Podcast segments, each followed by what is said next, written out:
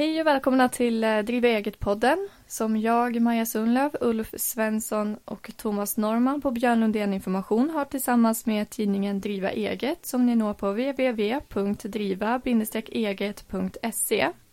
I det här avsnittet har vi äran att ha Annika Andersson från Ekonomikontoret i Jo som även eh, publicerar och skriver sina egna böcker.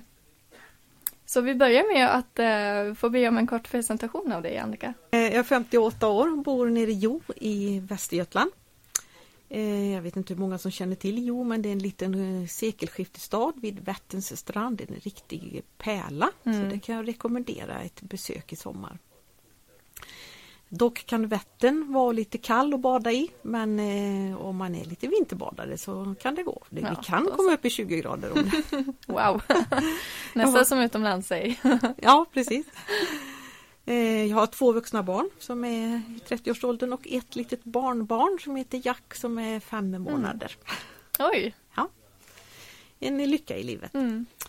Eh, jag har jobbat på en av de större revisionsbyråerna i 24 år och eh, sadlade om 2014 till att driva eget.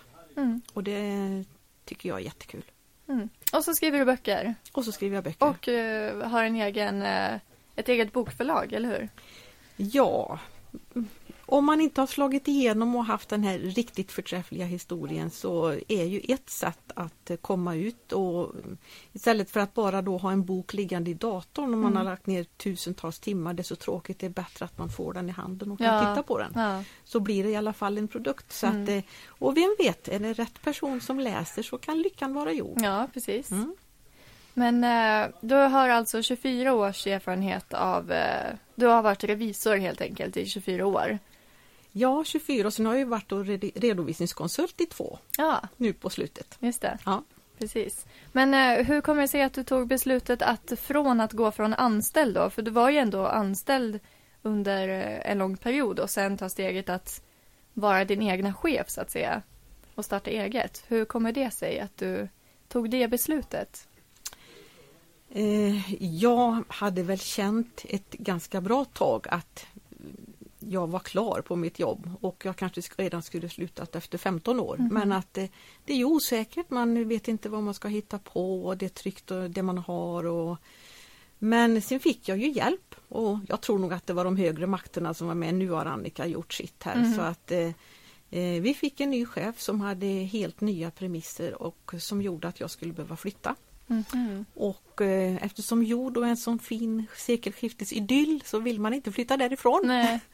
Så eh, det slutade med att eh, vi jobbade tillsammans och eh, ett halvår framåt och eh, då fick jag ju möjlighet att starta eget för då kunde jag få sälja lite timmar redan från början. Ja, just det. Så då blev det ju också ett lättare steg att ta. Och det är fantastiskt skönt att vara sin egen. Ja, det är så. Ja! Men eh, hur, eh, hur gick du tillväga då, då? Alltså, hur fick du in eh, kunder eller följde de med dig? Nej, jag jobbar på revisionsbyrån men jag hade ju de sista då kanske 6-7 åren inte jobbat med kunder utan jag var på IT-avdelningen och jag var gruppchef på mm. ett lönecenter. Så mina kunder som jag hade som revisor en gång i tiden då, de hade ju andra tagit över. Ja, just det. Så att eh, jag gick ut skrätts och hade inga kunder förrän mer än då min första eller min tidigare arbetsgivare då. Okej. Okay. Mm. Men du fick in, eh, marknadsförde du dig på något vis eller hade du eh, en, eh, en specifik marknadsföringsplan så att du bara anlitade kunder som var i dina trakter så att säga eller? Eller har du kunder över hela Sverige kanske? Nej, det har jag mm. inte utan jag håller mig ju i Skaraborg ja. kan man säga. Mm. Och eh, det finns ju inte längre men vi säger Skaraborg ja. ändå. Och, eh, så att det är lokala kunder. Mm. Och eh, ja, jag satt ju där och jag köpte mig en dator och så funderade jag på vad ska jag ha för program. ja. Ja, hur lägger jag upp det här med kundregister? Jag fick ju liksom göra allting själv ja, och det, det, Var, det var så skönt liksom. Det var ingen annan som talade om du ska ha det här programmet och du ska ha det här avtalet och de här priserna och så ska du debitera och så ska mm. fakturorna se ut. Jag kunde bestämma allting själv. Det. Och det var underbart. Ja, det måste vara en stor skillnad från att gå just från anställd på en av större. Alltså mm. ju större företagen blir känns det ju som att desto mer inramat är det. Ja, ja precis. Och det blev mer och mer och jag tror att det ligger i tidens rand lite grann att, att det, man bygger upp hierarkin och Mm. makten centreras och liksom det styrs upp på ett helt annat sätt. Den här friheten tror jag många större byråer tappar idag Mm. och har inte de anställda frihet och utan då styrs med fast hand. Då Mm. tappar man kreativitet, man tappar engagemang Mm. och på sikt också anställda tror jag. Ja. Så att eh, det är jätteviktigt att få engagemang och låta kreativ kreativiteten Mm. finnas där. Och det tror jag att man missar. Men i, i min firma nu har jag massor av kreativitet Ja. och engagemang. ja, vad kul. Ja. Nej, och sen funderar jag ju då, jag börjar ju titta på vad har jag för företag i trakten som kan passa mig då som precis har startat och fick damma av det här med hur tar man sig in på Skatteverket och gör en skattedeklaration. Och Mm. Det var ju liksom ett tag sedan jag höll på med. Ja, just det. Alltså det var ju... Och det förändras ju ganska snabbt. Ja, ja precis. Nu med, och med digitaliseringen Ja, framför allt. Ja. Och i och med att jag hade jobbat på IT-avdelningen då och även med systemförvaltning då så eh, hade jag mycket gratis Mm. liksom när det gällde tekniken bakom. Mm. Så min resa då de här 24 åren de eh, hade jag väldigt stor nytta av i alla delar även i marknadsföring. Och... Mm. Sen eh, skickade jag ut mail då och Ja. jag har lagt upp en Facebookgrupp som heter Företagare i Jo. Ja, okej. Och där är drygt 100 företag med nu. Mm. Och så har jag den som lite om det kommer några skattenyheter eller något julgåvor nu till exempel. har en och- liten nyhetssida nästan. Ja, eller alla får ju lägga in och Ja. göra re- reklam för sig där Mm. då. Så att, då gör jag det också då. Så, så nu har jag precis lagt ut om det här med julgåvor till kunder. Ja, till just de det. Det är ju i tiden nu ja. Ja, och så tycker jag att eh, ja, det är min, mitt koncept även som författare då, inte ha en massa ord i onödan. Nej. Utan står det något på Skatteverkets hemsida då kortar jag ner det. Mm. Så att det, det går att läsa på några minuter och få samma information. Mm. För inga extra ord finns när jag skriver. Nej. Nej, det måste ju vara nyttigt i och med att du är författare också. Mm. Men apropå det då, när vi glider in på det spåret. Hur kommer det sig att du eh, skriver böcker då? Har du alltid gjort det eller? Nej, det har jag inte. Det var, jag har ju haft ett par relationer som har varit svåra. Jag hade en skilsmässa som var besvärlig. Det var många i familjen som får illa och sen träffade jag en man och får ännu mer illa. Och eh, då började jag fundera på liksom, varför blir det så här? Varför är vi inte snälla mot varandra? Och vad, vad, varför, hur kan jag bygga upp min självkänsla? För jag Mm. kände att den, den var ganska låg. Mm. Så att jag började läsa och jag började fundera och försökte förstå. Och eh, blev lite klokare Mm. och gick även utbildningar i personlig utveckling. Jaha. Åkte hit upp en gång i månaden eller två gånger i månaden Mm. och på helgerna och, och försökte bygga upp mig själv. Och sen till slut så var det en man som sa det, du som är så klok och dessutom kan skriva, du borde skriva en bok. Jaha, det var så det Ja, var. nej, det kan jag nog inte. Men eh, jag tänkte, jag pratar lite om högre makter, jag tror de är där. Är det Ja. någon som säger något sånt där konstigt, då är det någonting jag behöver höra. Så det blev Fru Anderssons små frön, en liten bok. Nu när jag tittar på den efteråt, jag var väldigt stolt, men den var inte så stor. Men det, den innehåller väldigt mycket tankeväckande Ja. saker om livet. Och så fick jag ju blodad tand då, så det blev ju Fru Anderssons handbok i kommunikation om manligt och kvinnligt. Och Ja. en eh, likadan variant fast för yngre då, tjejer och killar. Mm. Och eh, sen blev det även en vågad som heter Fru Anderssons onämnbara som man inte kan prata om. Nej. Men du har skrivit väldigt många böcker. Jag gick in och tittade på eh, ditt förlag, Mm. Avalons eh, Avalon. förlag. Avalon förlag, Mm. precis, förlåt. Eh, och du har ju skrivit, producerat en hel del böcker så att det verkar ha flyttat på ganska bra för dig faktiskt. Jag tror nog att skriva har varit ett sätt för mig att, eh, att utvecklas också. Mm. För när jag skriver en mening då, då vill jag stå för den. Och, Mm. Ja, så här tror jag att det är. Och kommer jag inte dit så skriver jag inte meningen. Så att det har gjort att jag har funderat, jag har intervjuat människor och försöka förstå och Mm. försöka förstå. Och, och sen har jag, formulerar jag där. Och det är ett sätt för mig att växa som människa. Mm. Och så vill jag gärna dela med mig och hoppas att någon annan kanske hittar något frö här och var också. Precis. Men du har ju både skrivit eh, romaner och noveller Och eh, lite mer som du var inne på, tjejer och killar. Lite tankeväckande. ja, Mm. precis. Lite mera, ja vad ska man säga, det är inte påhitt om man säger så, som noveller och romaner är. Så du har ju, du är ju inne i båda genrerna så att Ja, säga. lite mer filosoferande Mm. kanske. Mm. Men eh, sommaren 20, 20 21, 24. 21, 24, tack, 2014 eller vad säger jag, det är helt fel. Ja, Eh, det är väl din senaste bok, eller ja hur? det är Mm. det. Mm. Kan du inte berätta lite kort om den? För jag, jag har ju läst eh, en bit av den och den verkar jättespännande så att Jaha, du har läst det? Ja, jättelite. så att jag kan inte påstå att jag har läst hela boken, det kan jag inte. Nej. Men eh, den verkar jättespännande. Men jag har Mm. dock inte läst klart hela, så, som sagt. Eh, jag tror ju att eh, roten till det onda i världen idag, det är två saker. Det är religion och det är pengar. Mm. Och eh, de som har makt är ju de som har pengar. Mm. Och för att då komma till rätta med detta så måste vi ta hand om det ekonomiska systemet och vända det. Så jag börjar boken med att eh, fälla bankerna för eh, brott mot banklagen så de får eh, se över sin verksamhet och börja om från början. Mm. Och så får ju det då konsekvenser på samhället i övrigt. Och eh, jag tar även bort eh, sådana som har väldigt, väldigt, väldigt mycket pengar. Mm. De får bara behålla två miljoner tror jag det var jag lät Mm. dem behålla och resten går då till staten och välgörande verksamhet. Så vi blir då fadder till ett utvecklingsland och så ska vi alltså skicka ner företag dit och hjälpa dem så att de kan bygga upp sitt land och klara sig själva Mm. och bli välmående. Istället för att skicka pengar och så skickar vi ner en byggmästare Ja, istället. just det. Men det gick inte så bra för den där byggmästaren men han åkte ner i alla fall. Ja. Så det är lite, ja, också tankeväckande där då liksom. Mm. Vad kan vi göra? Jag skrotar religionen när det blir en. Mm. Som jag kallar för pure. Mm. Alltså en ren religion som bara handlar om kärlek. Det Ja, finns inget det. synd och inget straff och så. Alla är vegetarianer. Jaha, För jag tycker ju Ja. att vi ska vara rädda om djuren. ja precis. Men du Ja. är engagerad i, i eh, politiken också, eller hur?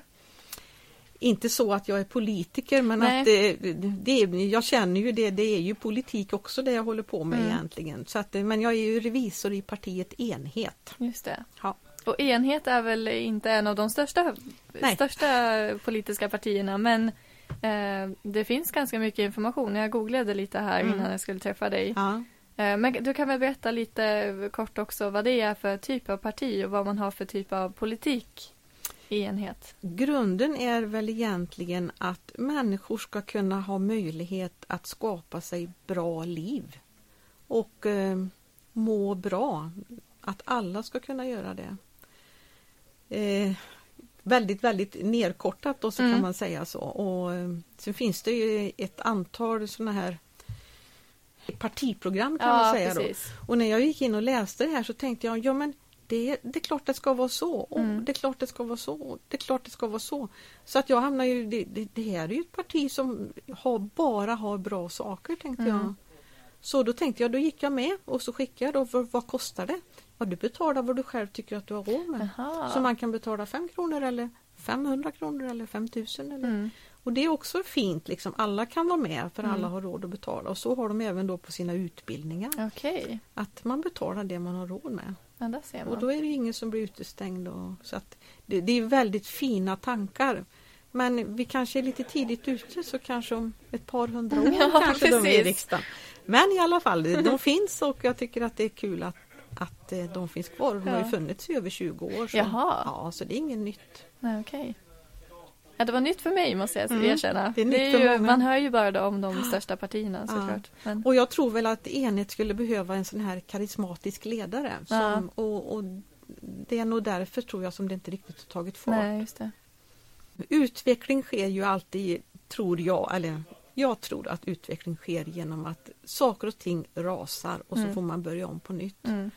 Och vi har ju även USA och så här så att jag tror ju att mycket kommer att rasa här i världen och så kommer man liksom kunna gå ur det här och vara med helt nya tankar och idéer och Mm. erfarenheter. Om vi går tillbaka till, eh, vi, vi gled iväg lite här känner jag. Men om vi går, glider tillbaka till eh, redovisningsspåret. Ja. Eh, Du gick ifrån ett större företag då Mm. och startade eget. Hur, hur ser du på redovisningsbranschen i allmänhet? Eh, till exempel med prissättning. Det är ju fler som går mot fast pris till exempel. Eh, vissa håller på med timdebitering och revisorerna har en egen, känns det som i alla fall, jag är inte helt insatt, men revisorerna har en egen eh, prissättningsstege, kan man säga så? Du som är lite mer insatt i, i prissättningstänket i branschen. Hur anser du att man ska prissätta? Är det en krånglig fråga? Nu kom, det var ju massa frågor på en Ja, ja. Ehm, Det är ju väldigt eh, viktigt med prissättning Mm. och det är viktigt med fakturering.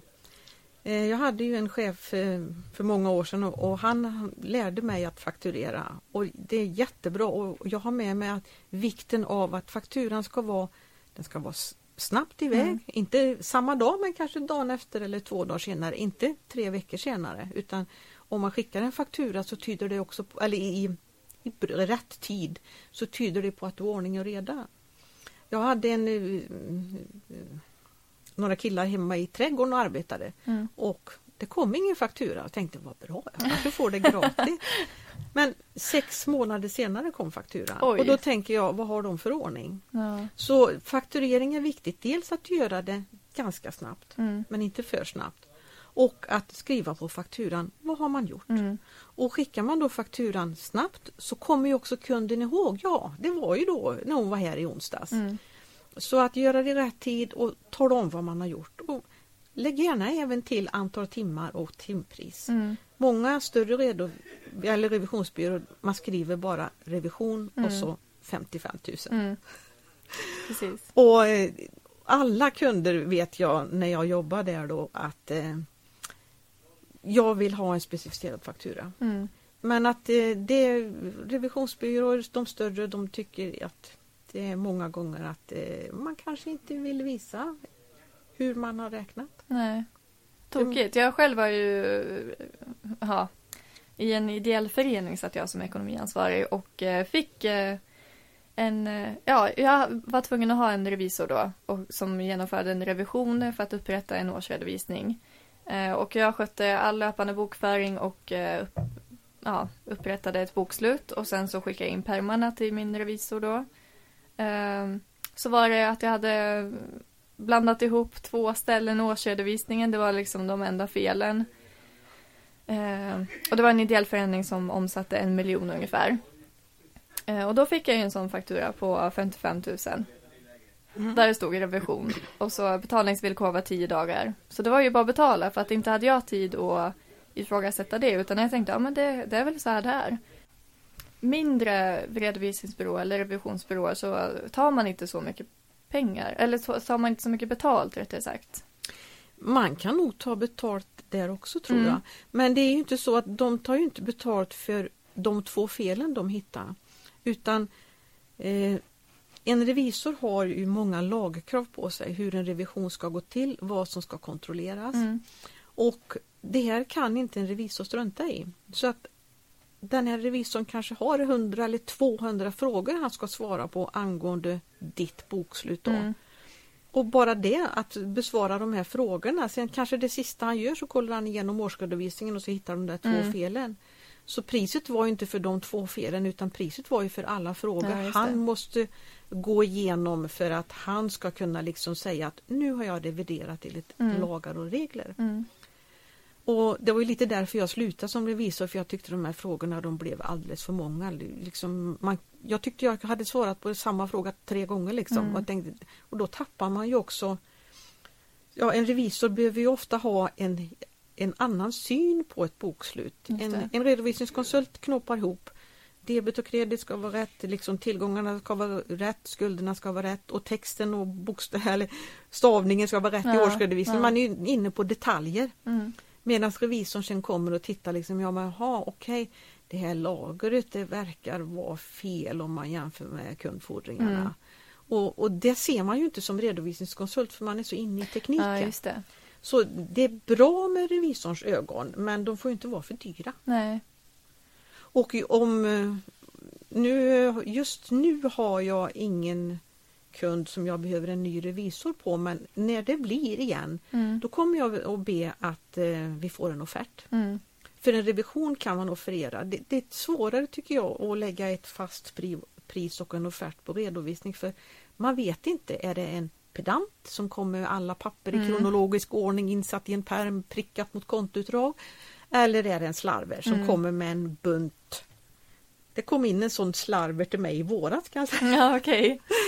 Och det, det tog ju hur många timmar som helst och fattas hur mycket papper som helst. Mhm. Därför är det ju jättesvårt att sätta ett fast pris. Så det, det vill jag inte göra om inte jag har haft kunden kanske ett par tre år Mm. så att jag vet vad den här kunden har för leveranssystem till mig. Ja, just det. Ja, det, det kan jag hålla med om. Eh, Vi på Björn Lundén eh, är ju helt inne på fasta priser. Eh, Men just sådana här start, starta upp-kunder, det, det tar ju tid många gånger. Det kan ju vara också att man får ärva en bokföring som det är x antal fel i så att säga, så man måste rensa upp. Så att Mm. det, det förstår jag att det är jättesvårt att sätta ett fast pris. Men som, som du säger, det, det låter ju väldigt smart att ta in offert från en revisor. Men jag tror att eh, anledningen dels till att jag inte ifrågasatte den här summan var, berodde ju på okunskap. Mm. För jag menar, eh, jag var studerande när jag satt som eh, ekonomiansvarig då. Så att då, jag hade ju ingen aning om det. Jag, jag tog för givet att ja, men det är så mycket en revisor kostar, vad ska jag göra? Mm. Mm. Så att jag, jag tycker det är synd ändå att det inte pratas eh, allt för mycket i media till exempel om vad som är en lagom prisbild. Nu hade ju Driva eget en eh, undersökning på just prissättning. Mm. Eh, vad var det de jämförde då? Det var... Det, jag tror det var en oms de hade skickat offert då till ett antal Ja. redovisningsbyråer. Och det var jag tror en omsättning på två eller tre och en halv miljon. Mm, Fem anställda. Det skulle ju räknas löner för och göras deklaration och bokslut. Mm, Och den, eh, den redovisningsbyrån som hade lägst pris hade satt ett pris på 11 000 mm. och den går väl kanske snart i konkurs. Ja, Men eh, den som hade satt mest då var en stor nationell byrå som hade då satt det tiodubbla 128 000. Ja. Och eh, det känns ju heller inte riktigt rimligt. Så att man kanske hamnar på någonstans mitt emellan eller Mm. 30-40 000. Men eh, så det är ju viktigt att skapa sig en bild av dels pris och dels vad man får. mm. Åt båda hållen såklart. Mm, ja. eh, redovisningsbyråerna förstår jag ju vill veta Mm. om man är en pedant eller en slarver för att Mm. kunna beräkna pris på det också. Mm. Men eh, Och sen har ju jag, jag har ju ett erbjudande att om man startar nytt eller då kanske har en ny förening mm. ja, precis. eh, eller att man är ny på det här kan man Mm. säga då om man skulle försöka få in dig där också Mm. att man, jag bjuder på två timmar konsultation Mm. bara för att man ska passa på att prata med någon. Ja, just det. För eh, det är också sånt som jag har upptäckt då när jag har börjat min resa själv Mm. och, och hur man tar hand om sina kunder. Jag tycker att eh, Ja, nu, nu, nu byter jag spår lite. Ja, det är lite som jag brukar. Eh, jag var på ett konditori i... Du får ta tillbaka mig på banan sen igen. Ja, ja. Jag var på Yes. ett konditori i Katrineholm och där hade de en servett. Och på den här servetten så hade de deras första annons. När de öppnade 1910. Mm. Och på den annonsen så stod det ungefär så här då om eh, ni ärade invånare i vår lilla stad skulle vilja ha ödmjukheten att bevista vårt enkla konditori. Ja, Oj, man, man hade ju sån respekt för sina kunder och en Ja. ödmjukhet. Och så var det innan industrialismen tog fart för då hade man en etik och moral i affärslivet. Man hade ett handslag och det var det som gällde. Man satte en ära i att eh, vara hederlig. Ja. Men in, i och med att industrialismen kom och det blev lättare att tjäna pengar och så här, vi fick storpampar och så här så nu är det inte okej längre. Nej. Och jag tror ju många gånger att det är ehm, till exempel en revisionsbyrå eller redovisningsbyrå då, Eh, Så tittar man på, ja okej förra året kostade bokslutet 15 000, då tar vi 17 000 i år. Ja, just det. Men jag tycker inte så får man inte göra. Och man kanske tänker, det, eh, den här kunden har det gått så bra för. Han kan Mm. betala 20. Också fel. Mm. Utan hur många timmar har vi lagt ner? Vad har vi för pris? Och det ska inte vara ett ockerpris utan ett, ett pris där alla tillåts att tjäna pengar Mm. men inte ocker. Nej. Eh, så lite så försöker jag jobba, liksom etik och moral och vara schysst. Mm. Och för jag vill på något vis komma tillbaka där. Okej att jag kanske missar pengar på det men att jag vill kunna somna gott på natten Ja. och tycka att eh, det här har jag gjort bra. Och jag kan även tänka mig liksom att göra något gratis om det är någon som kommer in liksom lite som en samhällstjänst Mm. också. Mm. Liksom hjälpa varandra men eh, och inte sko sig på varandra. Nej, precis. Och eh, många gånger är det också så Har vi kommit tillbaka eller? har- Ja, nu är vi tillbaka, tycker jag. Ehm, vad var det jag ska säga nu då? Jo, ehm, jag har ju samarbetat lite med lite andra revisionsbyråer nu Mm. när jag har varit egen då och ser lite hur de jobbar och Mm. det gör mig också lite förskräckt. För väldigt många kunder kommer in med sin perm och så lämnar de permen, Mm. Och så tar redovisningskonsulten permen och så knappar man in alla siffror. Ja, Nu sitter jag och knappar med ja tangenter. Illustrerar här Ja. så fint. Och sen är det klart och så kommer kunden in och hämtar permen Mm. och så tack och så kommer han in nästa månad igen. Och det här är den kommunikationen som är. Ja, precis. Men då när jag jobbar med den här revisionsbyrån nu så det, jag kan inte jobba så här utan då kom tjejen som var massör. Mm. Har du tid att sitta ner en stund så vi får prata? För det var lite saker då som jag Ja. tyckte att eh, man skulle kunna då utveckla i hennes leverans Ja, av papper och ville höra lite hon hade liksom väldigt dyr telefonkostnad. Jag tänkte liksom det är bättre hon byter abonnemang. Mm. Ja, och lite så här, vi satte oss ner och pratade. Och just det här samtalet tror jag är så jätteviktigt. Absolut. För man vet aldrig vad som kommer fram. Nej. Och eh, jag hade en kund som jag fick, en byggmästare och han hade varit utomlands och handlat. Mm. Och handlat ganska mycket för han kommer utom, eh, från utlandet då. Mm. Så att han åkte ner och köpte på sig fönster och sådana här saker då. Men eh, då blev det också att han betalade massa moms just när han var ute.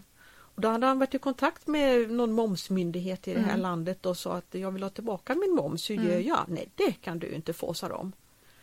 Och det här berättade han mig för mig då när Mm. jag var och hälsade på honom bredvid en kopp fia, Mm. kopp fika eller kopp kaffe. och, och just även det då att åka ut och besöka Ja. kunderna är så viktigt för de är stolta över och, och tycker att det är kul att visa Mm. upp vad de gör och var de finns någonstans. Men i alla fall han berättar detta om den här damen som inte ville betala tillbaka momsen. Sen var det väl två veckor senare så fick jag se från Skatteverket då att alla som skulle vilja ha utbetalt moms som har betalat i utlandet kunde ju numera göra det på nätet. Och passa på nu för nu är det innan den sista september. Så jag kastade mig på telefon, du kan göra det på webben. Så var, och så fick han tillbaka 16 000 Ja, kronor. Och hade vi inte suttit och pratat då så hade jag inte fångat upp den här. Nej.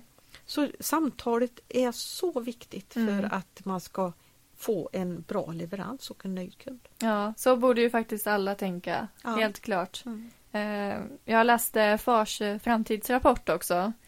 Oj, Eh. det låter tråkigt.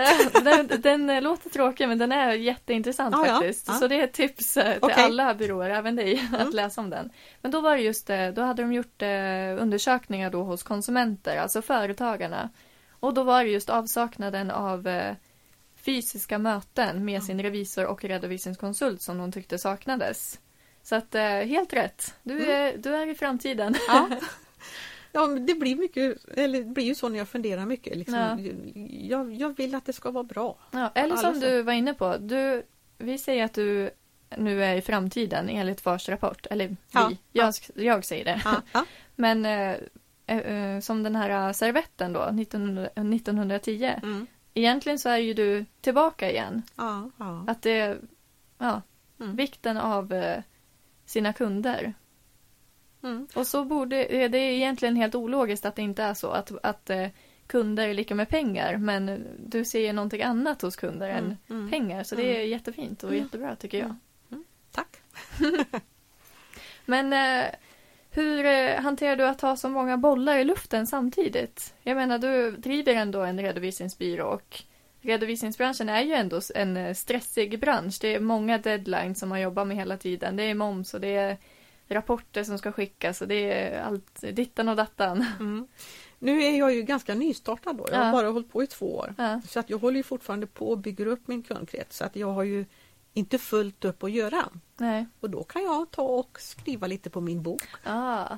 Och sen eh, har jag ju, jag har ju skilt mig då Mm. och eh, letar efter en kar men än så länge har han inte dykt upp. Men det kanske han gör nu. Ja, precis. Passa på att leta efter henne via podden. Ja precis. Och mina, du får lägga ut en bild också.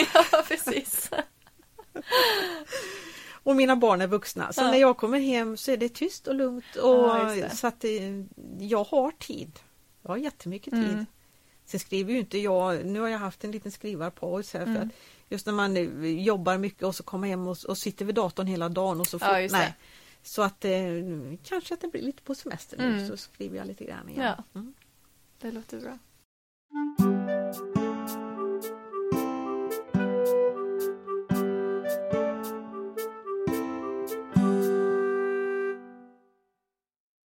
Jo, eftersom du eh, är själv på din redovisningsbyrå, hur eh, hanterar du det? Är eh, inte ensamt, men eh, hur är det om du ska bolla idéer till exempel eller fråga, dubbelkolla något? Eh, jag har ju kontakt med gamla kollegor Okej. och sen har jag en skattekonsult som jag har jobbat med tidigare som jag har kontakt med. Så han har ju varit ett stort stöd Mm. i många frågor. Mm. Och, det är skönt för han skickar ingen faktura heller, Nej. det är bra. eh, sen är det klart att, att eh, jobba själv är ju ett stort ansvar. Mm. Så det är nog viktigt att vara ödmjuk och inte tro att man kan utan läsa på och läsa på en gång Mm. till och, och kanske till sist dubbelkolla en extra gång så Mm. man inte gör några stora fel. Eh, sen är, sitter jag på ett kontorshotell Okej. och eh, det är eh, tror det är sex eller sju stycken som finns på det hotellet Mm. och eh, jättetrevlig stämning och så så att jag har fått riktigt trevliga Ja, jobbarkompisar vad i alla möjliga branscher. Mm. Så det är ingen redovisningskonsult utan Nej. eh, annat och det är bra för att det ger ju också lite perspektiv på tillvaron. Ja, just det. Man kan ju utbyta idéer då antar jag. Ja, ja, precis. Få lite inspiration av andra branscher. Ja, Mm. Sen är ju internet bra, liksom. det finns ju väldigt, väldigt mycket men man får ju vara observant på vad man läser på för sida. Det är, Mhm. man på Skatteverket är det ju ganska tryggt men sen finns det ju massa andra sidor också Mm. som eh, skriver om eh, skatteregler och bokföring så att titta vad det är för adress innan man liksom tar beslutet om det här stämmer eller inte. Precis. Källkritik, kära lyssnare. Viktigt. Men eh, har du några tips och råd då till, eh, säg att vi börjar med redovisningsbyråer eller personer som funderar på att starta sin egna redovisningsbyrå? Eh, det är ju ett stort och brett område. Så att kanske ha gått eh, på högskolan i tre år och läst företagsekonomi och så starta eget sen tror Mm. jag kanske är lite tidigt. Man behöver skaffa sig lite erfarenhet. Och eh, jag har ju tur då som har jobbat som revisor i många år. Och just att, att jobba som revisor är ju att man ser på ett helt annat sätt än en Mm. redovisningskonsult. Eh, Och det är svårt att skaffa sig den erfarenheten om man inte har liksom varit i branschen. Så inte starta för tidigt tror jag, tro att man kan. Mm. För att eh, gör man fel så kan det bli väldigt mycket fel Mm. och det kan kosta mycket pengar.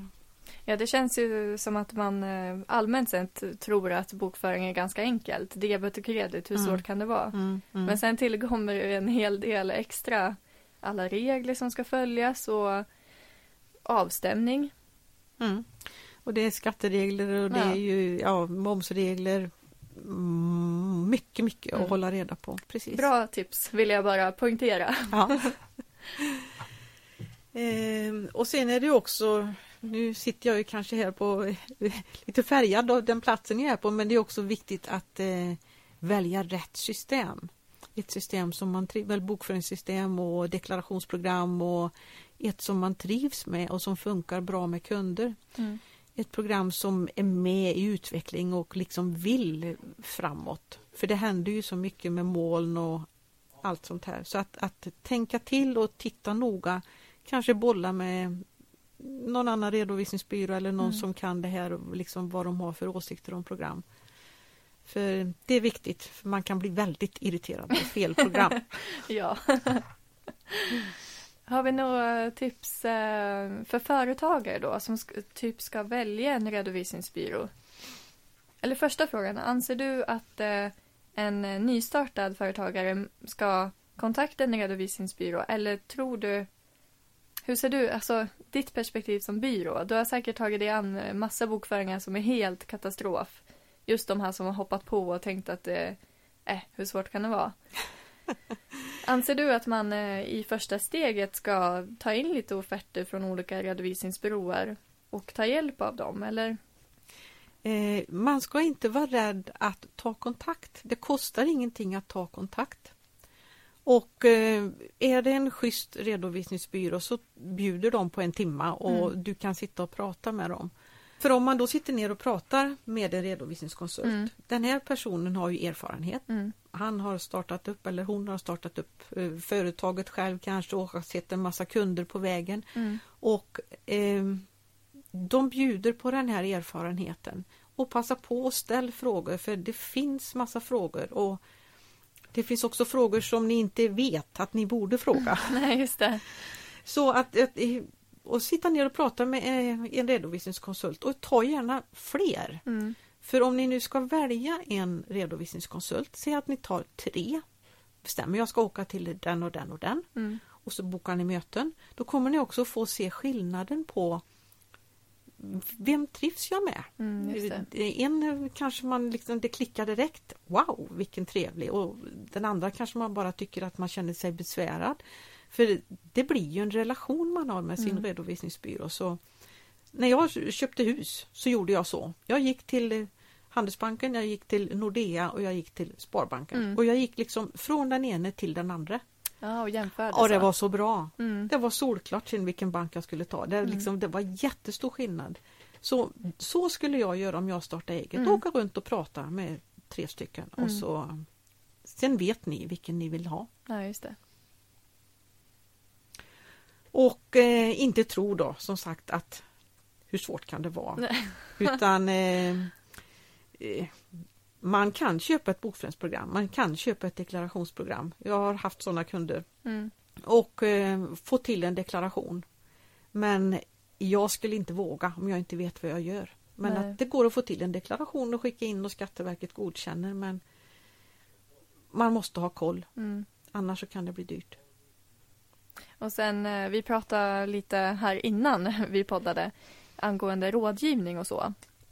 Och du eh, är ju mycket för de här fysiska mötena med dina kunder. Ja. Eh, så bara... Ja, nu kommer jag in med ett tips känner jag. Ja Men en redovisningsbyrå som faktiskt vill ha fysiska möten. För både du och jag tror ju stenhårt på det att som du var inne på förut, att ja, men den här telefonräkningen ser lite hög ut. För du har ju massor med jämförelsesiffror. För du sitter ju inte bara med en kund, du sitter med många kunder. Mm. Och ser då vad som är normalt och inte. Så därav får man ju väldigt goda råd från, från sin redovisningsbyrå. De som har rådgivning, kolla det då. Ja, och det märker ni ju också då om ni tar de ja. här tre möten. Vem är det som tycker om att prata med mig? Liksom? Ja, precis. Och sen är det ju så att redovisningskonsulter och revisorer vi gillar ju papper och vi gillar siffror och vi gillar ordning och reda. Och vi är ju lite nördar så, vi liksom mm. går igång på att checken stämmer. Ja, den ja, stämmer! och folk tror ju inte man är klok liksom. Men Nej. vi är ju där och många vill ju helst grotta ner sig i sina papper och sina mm. siffror och slippa prata med någon. Men det blir inte bra då utan eh, hitta den här redovisningskonsulten som, som tycker det är kul att prata med dig. Mm. Då kommer det att bli väldigt bra tror jag. Mm. Jättebra. Har du tre lästips nu också då? Ja. Vilka böcker behöver vi läsa? ja, om jag, om jag får bestämma. Mm. Eh, då skulle jag nog börja med fru Anderssons Småfrön Mhm. Som är, eh, innehåller då tankeväckare om alla möjliga delar, delar i livet. Mm. Och eh, det är en alldeles speciell bok numera. Jag skriva den första gången då 2005 tror Mm. jag det var. Men jag gick en bokbinderikurs här för två år sedan. Okej. Så nu har jag slagit ihop Fru Anderssons Småfrön och Fru Anderssons handbok i kommunikation till en bok och sen binder jag in den själv så det blir en väldigt härlig Oj, bok. En häftigt. helt annan känsla än om den är gjord på ett tryckeri. Så den kan jag rekommendera. Mm.